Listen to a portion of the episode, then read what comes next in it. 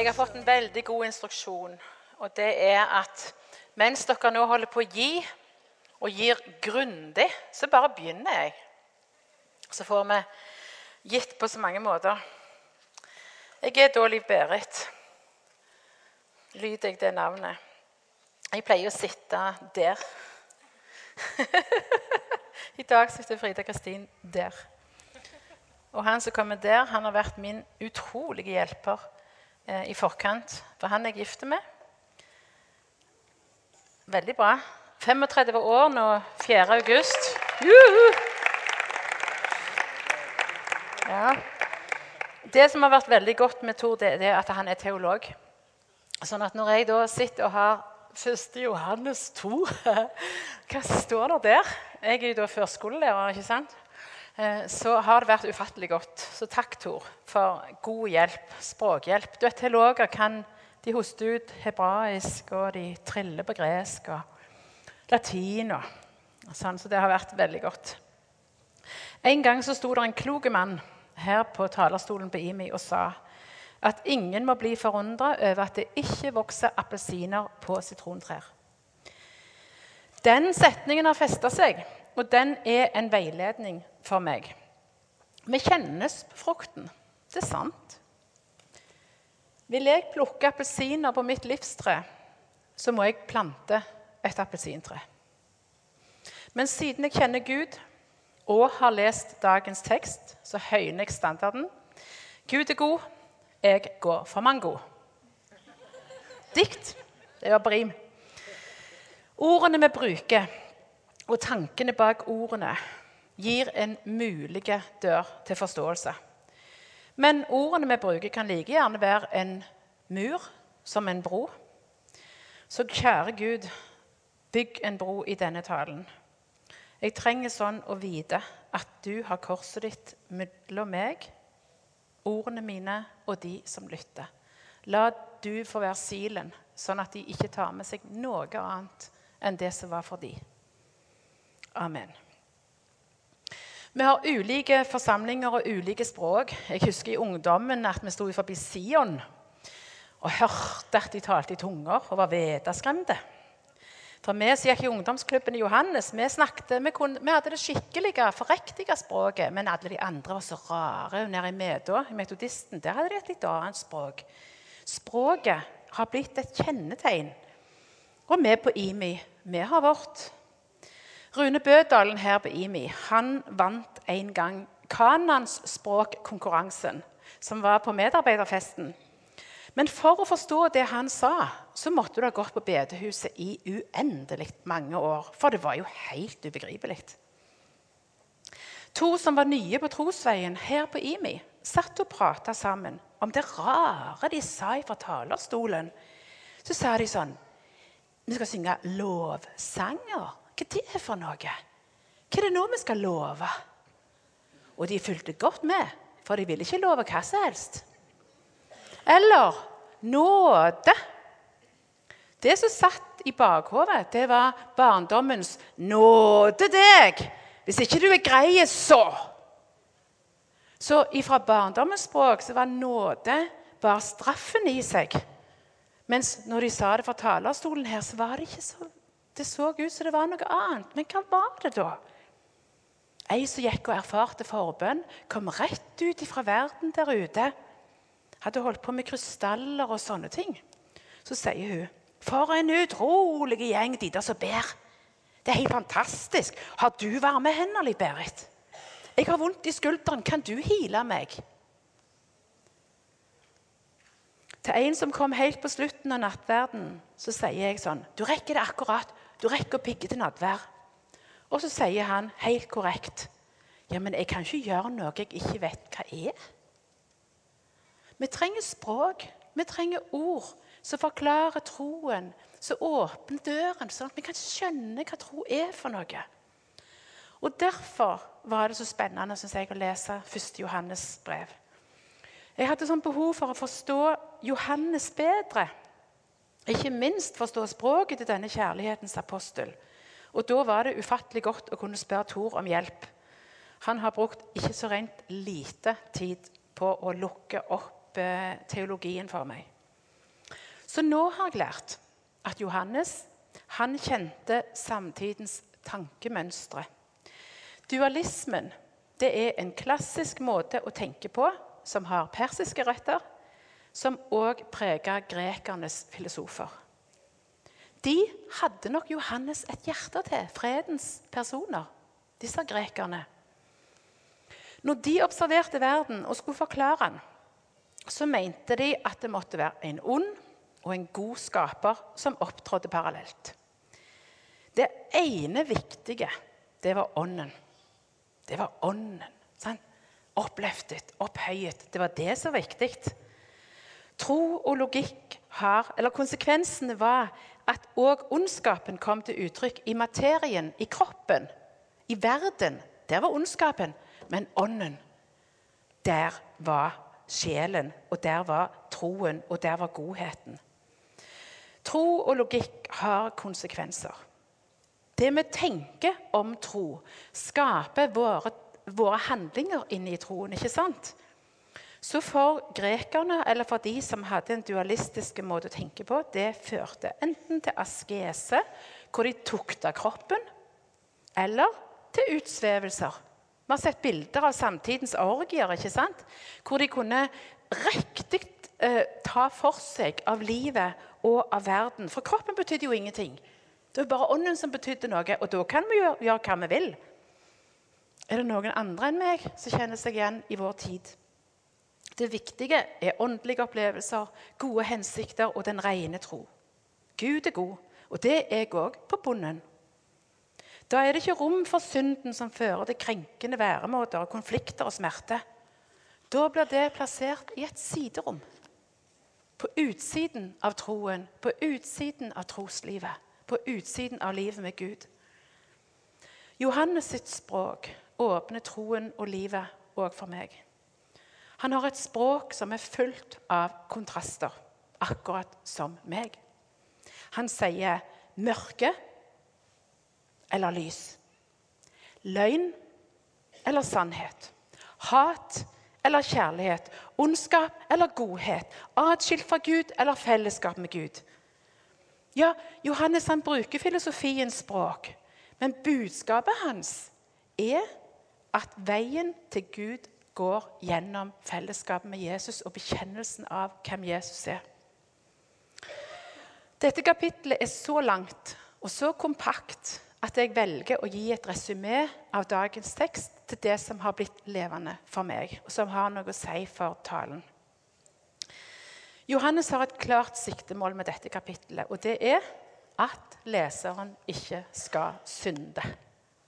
Det var en bang start til 2014. He? Men han er rask med å trygge enhver synder. For da sier han, 'Mine barn, dette skriver jeg til dere for at dere ikke skal synde.' Men om noen synder, har vi en talsmann hos Far, Jesus Kristus, den rettferdige. Han er en soning for våre synder. Ja, ikke bare for våre, men for hele verdens. Så kjære synder i Imi-kirken. Ikke glem at det fins en rettferdig talsmann som har sona for alle synder, til og med dine uansett. Johannes sier at å kjenne ham, kjenne Jesus, er det samme som å holde hans bud. Gjør vi det ikke, er vi løgnere. Han setter en med verdens blikk totalt umulige standard. Han påstår at Guds kjærlighet blir heil i den som holder hans ord. Skal Gud være avhengig av meg da for at hans kjærlighet skal være i verden? Oh yeah. Det vet alle vi som har møtt de hendene og det blikket og de ordene fra mennesker som elsker med Guds kjærlighet. For det vet vi forandrer våre liv. Gud opererer ikke alene. Gud bruker mennesker. Å være i Gud, skriver han, er å leve sånn Jesus levde hva Jesus gjorde?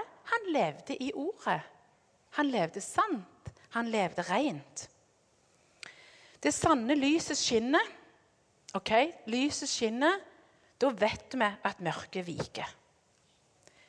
Når vi er i Jesus, så sier Johannes rett ut at da kan vi ikke hate vår bror.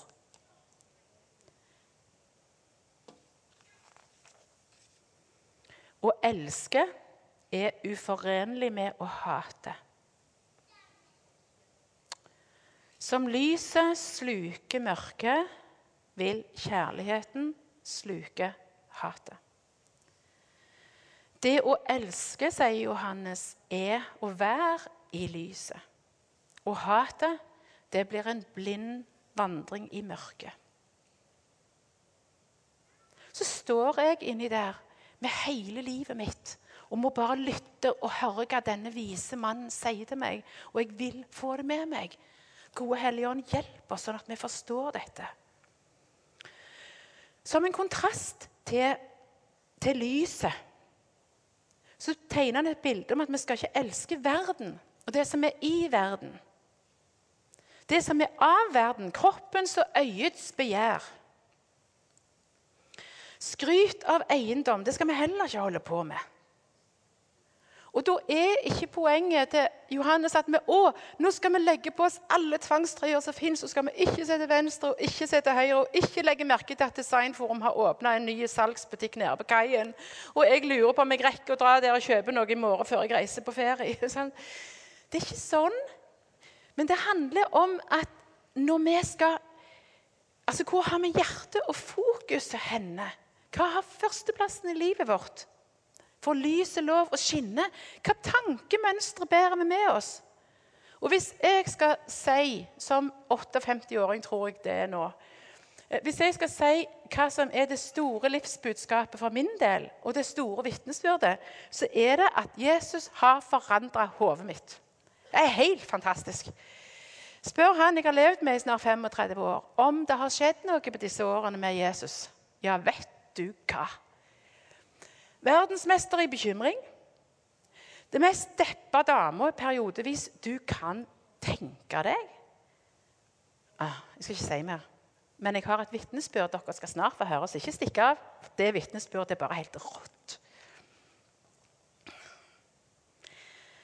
Jesus har et annet tankemønster å tilby, og det vet Johannes om når han skriver. Han sier, 'Husk at verden går til grunne.' Husk at verden går til grunne. Det å gjøre Guds vilje er å bestå til evig tid. Og så er han tydelig på at løgnen har en kilde. Antikrist. Antikrist er løgneren. Han som fornekter Faderen, og dermed fornekter at Sønnen er Kristus. Det er den største løgnen av alt. At ikke Jesus er Sønnen. I vers 20 står det Men dere er blitt salvet av Den hellige, og alle har dere kunnskap. Det er ikke fordi dere ikke kjenner sannheten jeg skriver, men fordi dere kjenner den og vet at ingen løgn kommer fra sannheten. Han er ikke først og fremst opptatt av å oppdra. Han minner han minner om det som vi allerede har lært, det vi allerede har hørt, han vi allerede har møtt. Og I vers 26 så detter han litt ned. Så sier han oi, når jeg skriver dette, så tenker jeg på de som fører dere vill. Har noen her opplevd å bli bekymra for seg sjøl og for de kjære og nære rundt oss, som vi er redd for blir ført vill? Og så tar bekymringen oss, og så detter vi rett ned i jordens og verdens tankemønstre, som er 'Å nei, hvordan skal det gå?' Men vet du hva? Hør på Johannes. Salven vi har fått fra han, blir værende i oss. Og vi trenger ikke opplæring ifra noen. For hans salve lærer oss om alt og den er sann og uten løgn. Bli da i han, slik den, altså salven, har lært dere. På de pinsemøtene jeg har vært, og på de pinsebevegelser med vennene jeg har, så snakker de om salvelsen. Og det er så herlig når salvelsen kommer. Her står det liksom så, så, sånn saklig salven. Det er, liksom, det er mer spiselig for oss uh, lutheranere. Men vi er jo dog karismatiske. Salven, det er det som Gud har plassert på innsiden av oss. Sin ånd. Det som er plassert inn, som gjør at vår ånd er ukrenkelig og ikke kan røves ifra oss. For der inne skinner lyset fra himmelen. Har vi tatt imot Jesus, så er det det vi har tatt imot. Vi har tatt imot et lys som skinner her alltid. Jeg sier ikke at det alltid får opplyse hjernen. Det er livslangt arbeid. Men det får lov å lyse opp i vår sjel. Er ikke det vilt? Tenk at det er et rom inni deg og inni meg. Uansett hva vi velger av ting som våre venner og vår familie kan krølle seg i hjernen og tenke hva er det nå de holder på med, så er det en salve på innsiden som lærer oss. Vi er salva. Det er helt, det er helt vilt.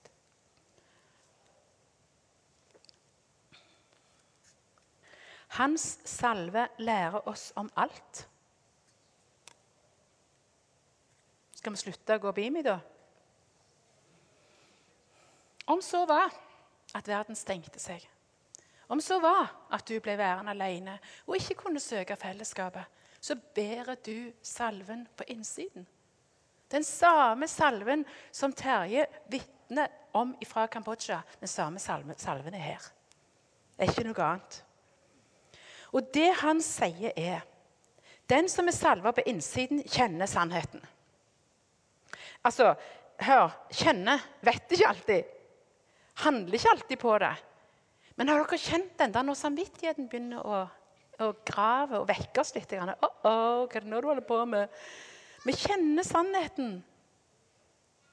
Så er det noe som stopper av og til. Iallfall i meg, i meg. Av og til det er det et mirakel at det skjer, men det gjør det av og til.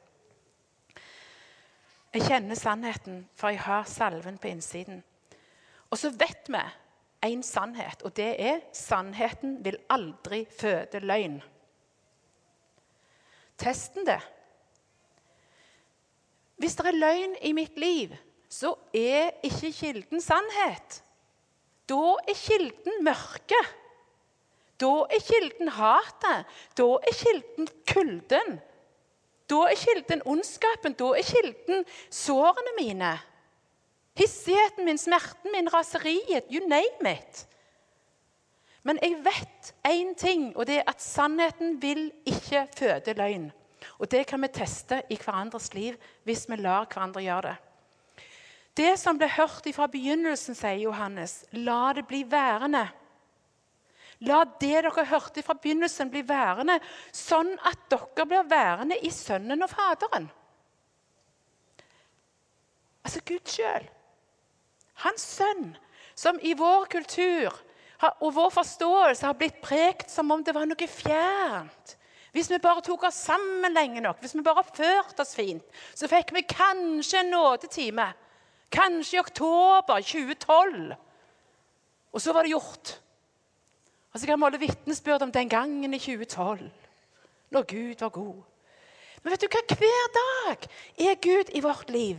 For det vi hørte fra begynnelsen, når det får lov til å bli værende, så er vi værende i Faderen og i Sønnen. Vi får bekjenne Sønnen, og det å bekjenne Sønnen er å ha fellesskap med Faderen. På kjøpet! Hæ? Det er fantastisk. Det skriver Johannes. Den som har salven på innsiden, trenger ikke opplæring fordi salven lærer oss om alt. Parentes NB uten løgn. Og den som er salva på innsiden, blir i Han. Det var tekstgjennomgangen. Det var fiffig. Ja. Johannes setter standard som vi kan bli ganske forskrekka av. Er det mulig å ikke synde? Vi har selvsagt en lengsel, men kan vi egentlig vite hva det handler om, det som vi ikke forstår? Altså, Hvis jeg er vant med å synde sånn, sånn et volum Sånn, sånn er jeg vant med å synde. Der med kaffekoppen var en bra, svart og fin.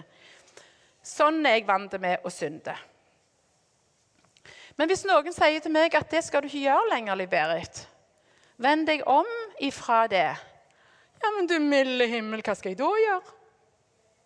Jeg kan ikke bare slutte med en hel haug med ting. Jeg blir nevrotisk av det.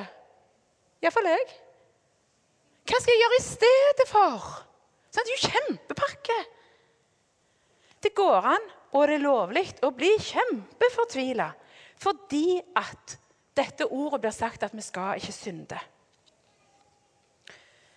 Men verdens logikk folkens, henger ikke sammen med dette. Hvis vi tenker på verdens logikk, så skal vi ta oss sammen, så skal vi skjerpe oss, så skal vi øve oss, så skal vi på kurs for å lære, og så skal vi ha ansvarliggjøringsvenner som sier til oss at det må du aldri gjøre igjen.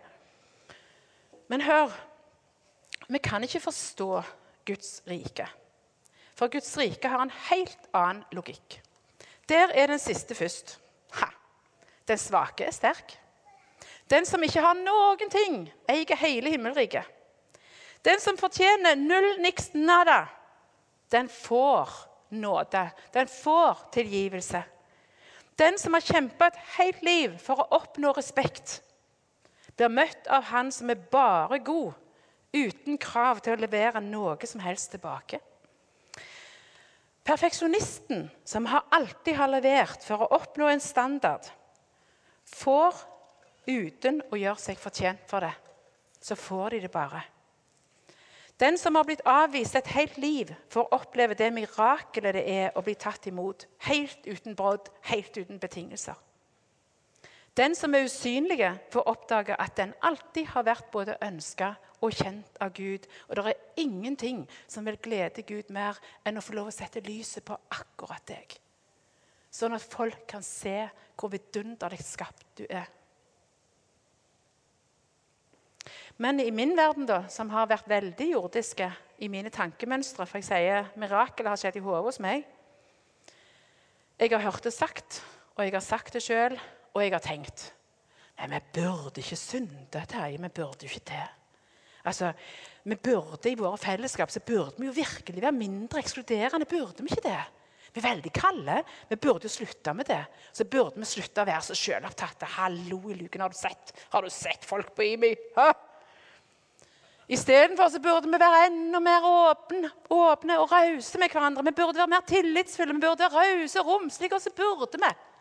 Men vet du hva? I Guds rike burde vi ingenting. Det språket som jeg nå brukte, viser, det viser verken himmelens prinsipper eller hvem Gud er.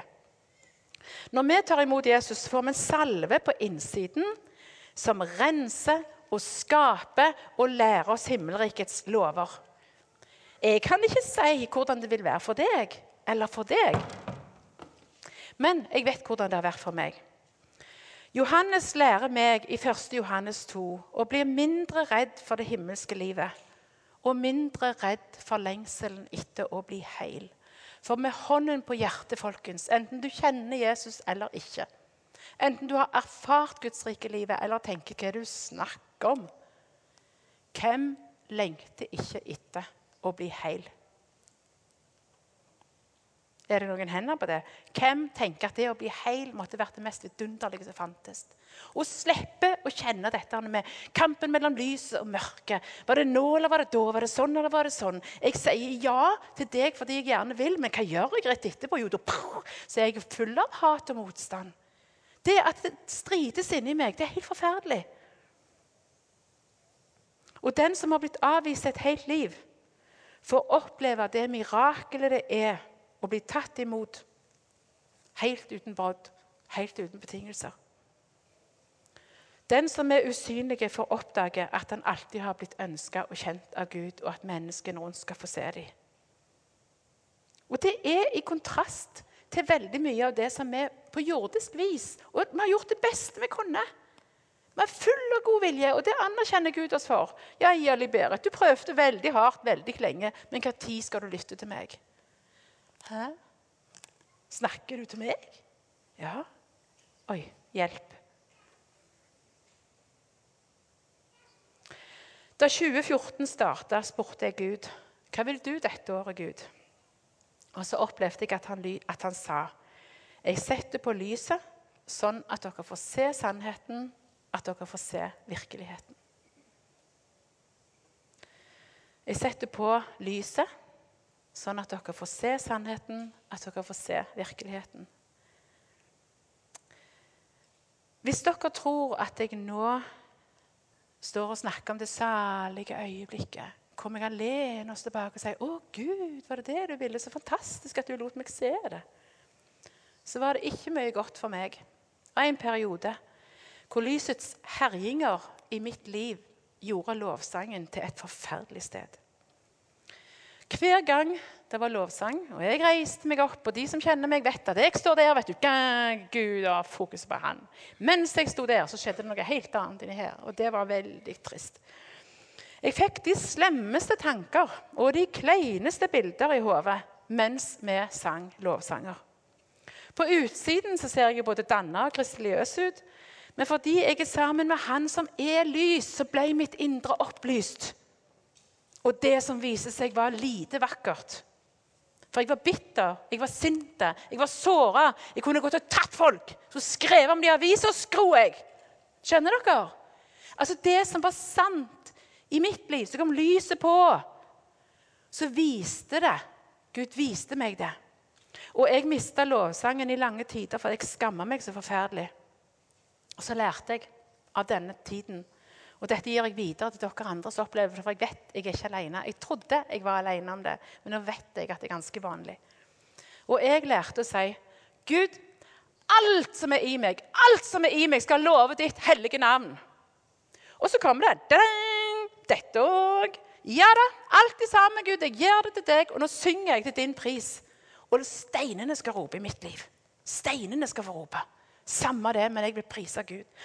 Og er det noe jeg brenner for, så er det det. At ingenting skal stoppe oss ifra det. Vi har lært så mye løgn. Vi har, unnskyld. Vi har lært så mye løgn. Vi har lært så mye som holder oss vekk ifra Gud. Men han vil ikke være vekk fra oss. Han sier, 'Kom, mannen, kom an. Kom til meg og lovsyng.' Samtidig mens du tenker de syke tankene. Så fikk jeg en setning fra, fra Bård Boje inne på Jørpeland. Så sa han du vet det jeg sier heller. Eh, jeg vil heller ha deg, Jesus. Og den setningen trengte jeg.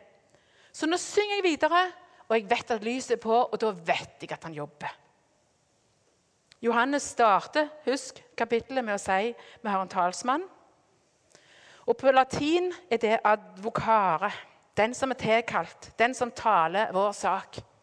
Midt i sannheten så taler talsmannen vår sak. Vi er mange bekymra kristne som kan, sammen med Paulus, lure på om det er så lettvint å få tilgivelse at folk bare synder enda mer. Burde vi ikke legge til litt krav og lage litt rammer, sånn at vi får litt orden rundt oss?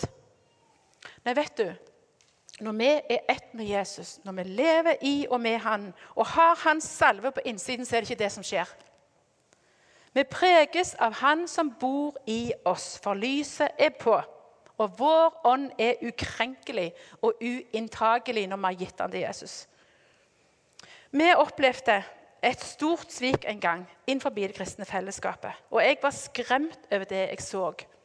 Og jeg husker jeg sa til Gud hvordan kan kristne gjøre sånn? Skal de liksom være kristne? Hvordan skal det gå med kirken når vi holder på sånn? Dere skjønner? Sånne vanlige norske tanker. Da svarte Gud meg at lyset var på, så jeg fikk se. Men så sa han det har vært der hele tiden. Bare nå ser du det. Jeg kan ikke gjøre noe med det som er usynlig, men jeg kan gjøre noe med det som er manifestert, det som kom fram. I ditt og mitt liv skjer akkurat det samme. Sannheten manifesterer seg. Sett at under denne fine toppen min Sett at jeg har et sår under her som ikke du vet om, og du dunker meg på det såret. Så vil de si oi, det var vondt, kjempevondt. Ikke gjør det.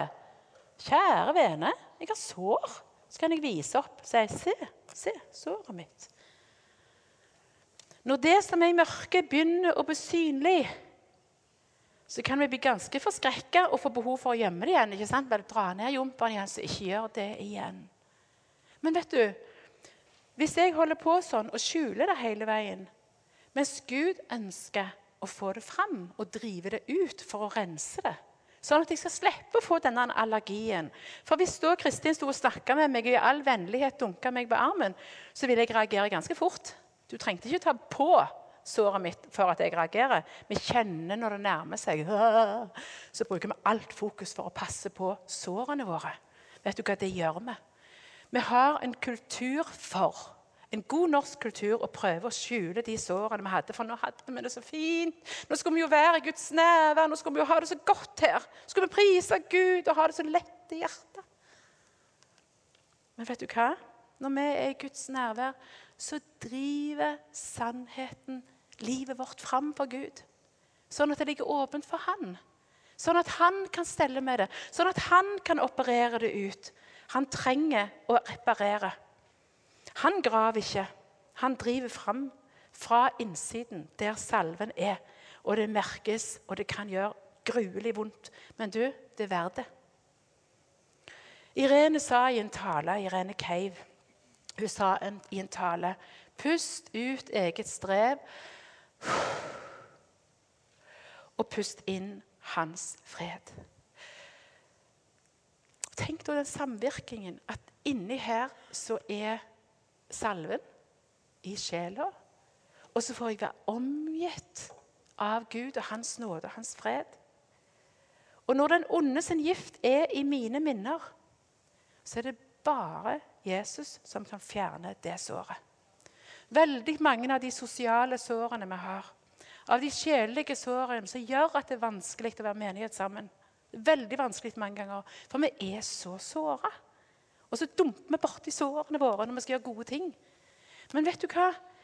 Når den ondes gift, når det er den onde som har slått, så er det bare Jesus som kan fjerne disse sårene. Men vet du? Han vil, og han kan. Livet med Gud er totalt absurd, for verdens regler virker ikke. Når du lever i lyset, så er det ikke vakkert, alt som blir synlig. Det gamle livet, de gamle strategiene, blir synlige. Men det er ingen krise.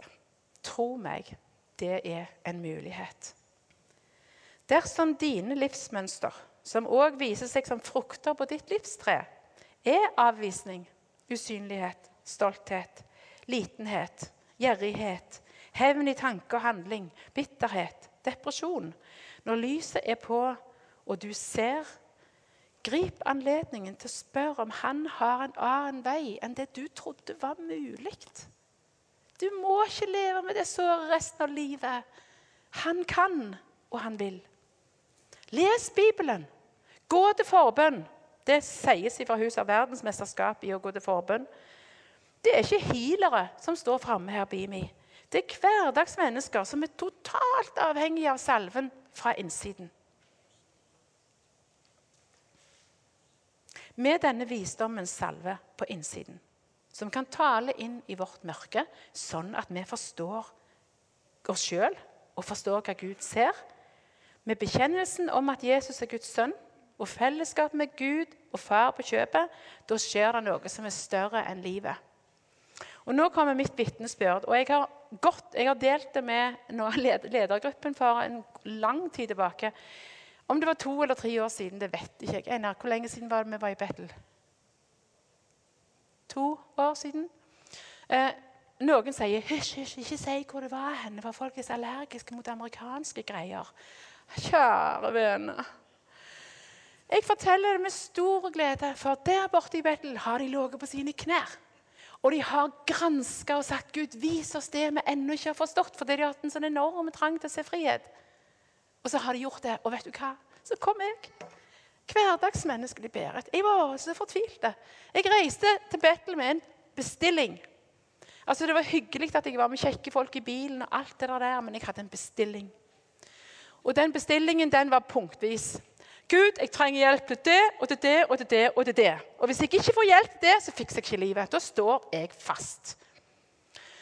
Ja vel. Og så skulle vi på noe som heter Sozo, med Z inni der. Og det var bønner i veiledning. Ligner veldig på det som de driver med i veiledningstjenesten og i bønneveiledningen her på IMI.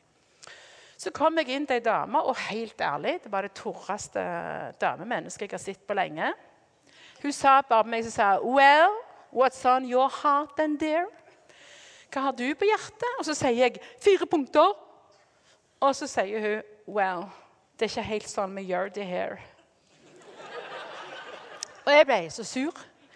Og så sa hun We like to ask the spirit what's on his heart. Vet du hva? Jeg var helt oppriktig. Jeg var rasende. Reise helt til Uniten og betale tusenvis av kroner bare for at hun skulle avvise meg sånn. Dere skjønner at jeg har litt avvisningsproblematikk i bagasjen. Jeg hadde på en måte et sår som lå under der som hun gjorde sånn på, og jeg hylte. Forferdelig. Men vet dere hva? Gud visste så godt hva han gjorde. Istedenfor å hjelpe meg med fire, fire, mine fire punkt, så tok han depresjonen min. Fjerna han. Hæ? Hva kan han? Hallo! Og det som lå i bånden for alle mine fire punkt, det var depresjonen. For i depresjonens galskap så mister du oversikten, du mister virkelighetsorienteringen, du, du detter inn i deg sjøl. Og det er jo ikke så vakkert. Verken for de hjemme eller de andre. Lyset var på. Og Gud tok giften ut ifra mitt liv. Giften som ondskapen hadde sådd i mitt liv. Han tok det ut og gjett om det var framme. Og så driver han det ut og renser såret. Så kom jeg tilbake til rommet til ei dame som jeg ikke kjente i det hele tatt før jeg kom dit, og fortalte dette her. Så sier hun du, dette skal jo bli spennende når du kommer hjem og livet ditt er annerledes, så du ikke skal reagere ut fra depresjon. Så tenker jeg herlighet, ikke si det engang. Hva gjør jeg da? Hva gjør vi da? Hm. Vet du hva, Det har vært helt utrolig. Jeg har mange ganger måttet valgt. Kjære vene, det er ikke automatikk. Men det har vært mulig å velge. Istedenfor at du bare detter alle deprimerte og slipper å rekke opp hånden, men det er norsk folkesykdom. Du detter ned, altså Noe trigger, så lukker bakken seg opp, og så, så detter du nedi der. Og Da mister du Guds rikets prinsipp. Du mister sannheten om hvem Gud er. For du vet bare hvem du sjøl er. Og så vet du at du er et gyselig offer, og det er forferdelig tungt. Men når Gud gjør noe med det, så skjer det noe annet her. Helt vilt. Jeg er så lykkelig jeg er så takknemlig. Om det var det eneste som skjedde i hele mitt liv, så var det nok for meg. Etter dette så har jeg sluttet å tyte. Gud, hva har du for meg? Hva framtid har du, Gud? For nå vet jeg jo at den framtiden lever vi i hele veien. Ikke sant? Jeg trenger, trenger ikke stresse mer. Og Når jeg sier dette, så gjør jeg det bevisst. Jeg vil at dere som er fanget av depresjonen, skal vite at det kan Gud gjøre noe med. Han gjør ikke likt meg, rekkefølgen likt meg, men han kan, og han vil. Og jeg sier, kjære Gud, bruk meg, sånn at jeg kan få lov til å bringe ut i mitt miljø. At jeg kan få bringe frihet fra depresjonen og frihet fra de tankene som tynger oss ned. Guds nøkler er Han bruker sitt nærvær. Bare i sitt blotte nærvær så kan han drive vekk depresjonen. Eller de andre smertene vi bærer. Han kan gjennom overbevisning av synd kan han skape et totalt nytt liv. Gjennom å tilgi seg sjøl, andre og Gud så kan han lage helt nytt, helt nytt begrepsapparat, et helt nytt liv for oss. Gjennom helbredelse av både kropp og sjel. Det bruker han som nøkler. Gjennom fellesskap med seg sjøl og med menneskene rundt oss. Og ved salven som på innsiden virker over tid. Salven som mykner opp stolthet, hat, bitterhet, sorg. Når han har jobba lenge nok på innsiden vår, så er det som den skjulte betennelsen. Den er kommet til overflaten klar til å drives ut. Frihetens første tegn er stor uro. Dere som bærer på stor uro, ikke mist motet. Fatt håp. Lyset er på. Det vi ser, kan være kleint, men det er Guds lys. Ikke skjul deg. Ikke spring og gjem deg for at, å, nå var jeg ikke skikkelig og kristelig nok. Ikke gjem deg. Søk forbønn, søk Gud. Inviter Han som kan fjerne smerten. For Gud han er tidenes gentleman. Og jeg som har vært gjennom hele smerten med et gudsbilde om en farlig Gud, og vær forsiktig og hold deg på avstand og oppfør deg fint Tro meg på mine ord. Gud er gentleman. Så når du sitter og tenker nå må jeg ikke gå inn forbi grensene mine og gjøre noe med meg jeg ikke vil, så kan du bare slappe helt av, for det kommer han aldri til å gjøre. Mennesker gjør sånt, men ikke Gud.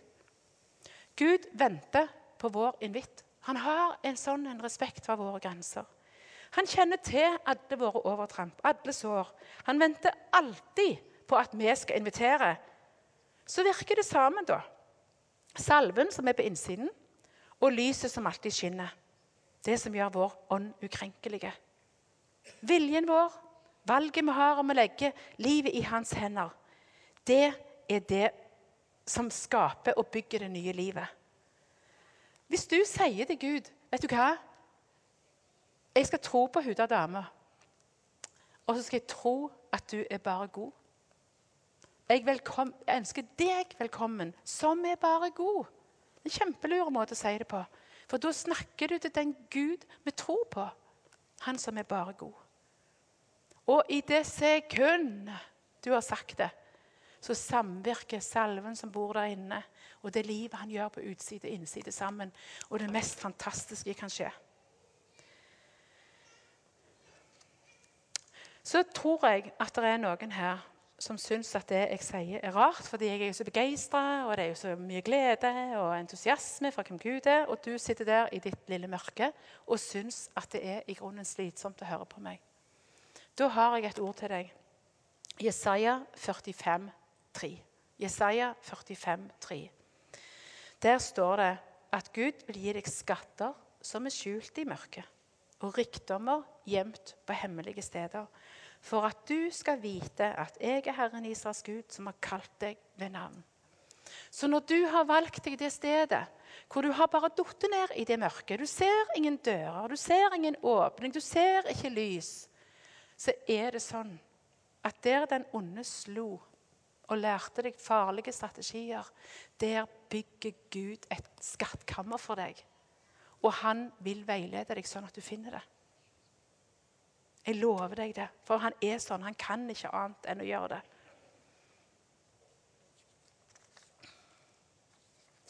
Det er søtere frukt av å snakke sant enn å tale mot løgnen.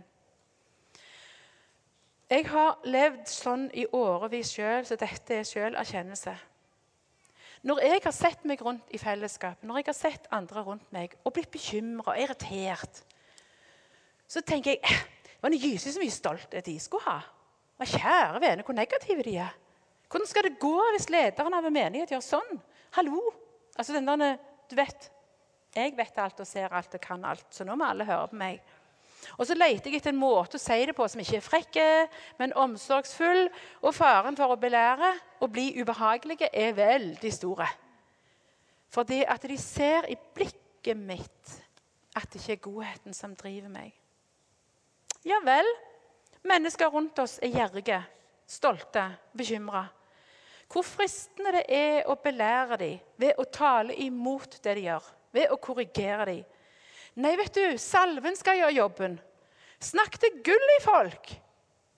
Snakk til det Gud har planta i dem, som ikke er deg, men det er noe helt unikt for dem. Be om vaskehjelp fra himmelen for å vaske vekk bekymringen og anklagen og kritikken i meg. Hvis jeg skulle ha sett at jeg så noe i Hanne sitt liv Det er så fristende å si du, Hanne, vet du hva, jeg har sett at Og ikke for, ikke for å være stygg, altså. Nei, nei, nei, jeg vil bare vel. Men det som jeg opplever at 1. Johannes 2 inviterer meg til, det er å velsigne Hanne. Å velsigne at sannheten skal få lov til å bo i henne. Jeg trenger ikke si et pip. Jeg kan sitte hjemme og be og velsigne. Og dette har jeg sett skje. At i mennesker som jeg har trukket meg tilbake og så har jeg heller spurt Gud hva vil du? Og Når jeg da har begynt å be det Å, for en stolthet. Og kjære Jesus, hjelp. Så har jeg sett at den personen har kommet og sagt Du vet du hva jeg har skjønt? Jeg er så stolt. Jeg må søke Gud om hjelp. Åh. Gud trengte altså ikke pedagogen. Han kan helt sjøl. Det syns jeg er stas. For da kan jo jeg få lov til å tale vel. Ikke sant jeg kan? Det som fører vil, må Gud ta seg av. Vi skal få lov til å leve i salvelsen. Keep it simple, folkens. Slapp av. Skuldrene ned. Bli i Han. Hva var det vi lærte når vi var nye? Velkommen. ikke sant? Du trenger ikke gjøre noen ting, bare kom. Jeg elsker deg sånn som du er. Og det vi lærte. Har du blitt berørt av Gud? Og nå vil jeg gjerne få et, en respons. Har noen her blitt berørt av Gud? Og har erfart en helbredelse på det indre eller ytre livet? Har dere kjent at det er sant? Det er sant. Det er jammen sant.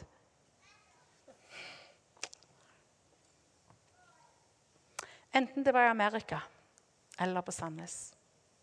Del det videre. Gi Gud ære ved å fortelle ditt vitnesbyrd. Ikke for å belære, men for at verden skal få et glimt av Guds rikets virkelighet. Det sprer. Er det sånn det er? Vi er invitert til å lage en skjønn epidemi. Og jeg ber Gud om å få bringe utfrielse fra depresjonen. Frihet fra fortidens strategier. Hva har han gjort for deg? Hva er det du får lyst til å bringe til menneskene rundt deg? Gi det videre som han har gitt deg. Ikke egen kraft, det trenger du ikke, men salven er i deg. Gi videre det du sjøl fikk. Hvem her vil være med på å gå for søt frukt? Hvem blir med for mango? Høynene, ikke sant? Gå inn i det vi ikke vet hva er. Og Da tenker ikke jeg at det er noen det er noen her på IMIS allerede er der. vet du. De lever sånn til de er 20 frelste hver uke og helbreder hele familien. og Økonomien er helt på stell. Det er ikke sånn, det er ikke det det handler om. Det handler om å være i Guds rike. Og da skjer ting. Det skjer. Men da er det ikke vi som har vært så flinke. Da er det han som har gjort det. Wow! Jeg vil gjøre mer, for det var han. Yes! Er ikke det noe annet? enn å gå der og være sånn Check! Nå har jeg gått høyskoleutdanningen i kristeliøsitet. Nei, vet du Efeserne 5, 8-9. Der står det En gang var dere selv mørke, men nå, i Herren, er dere lys. Lev da som lysets barn. Og hør, dette er godt for oss i IMI å si. Lysets frukt er godhet, rettferd og sannhet. Johannes ønsker for oss at vi ikke skal synde. Det er ikke et krav om å lykkes, men at du slipper til han som lykkes i deg.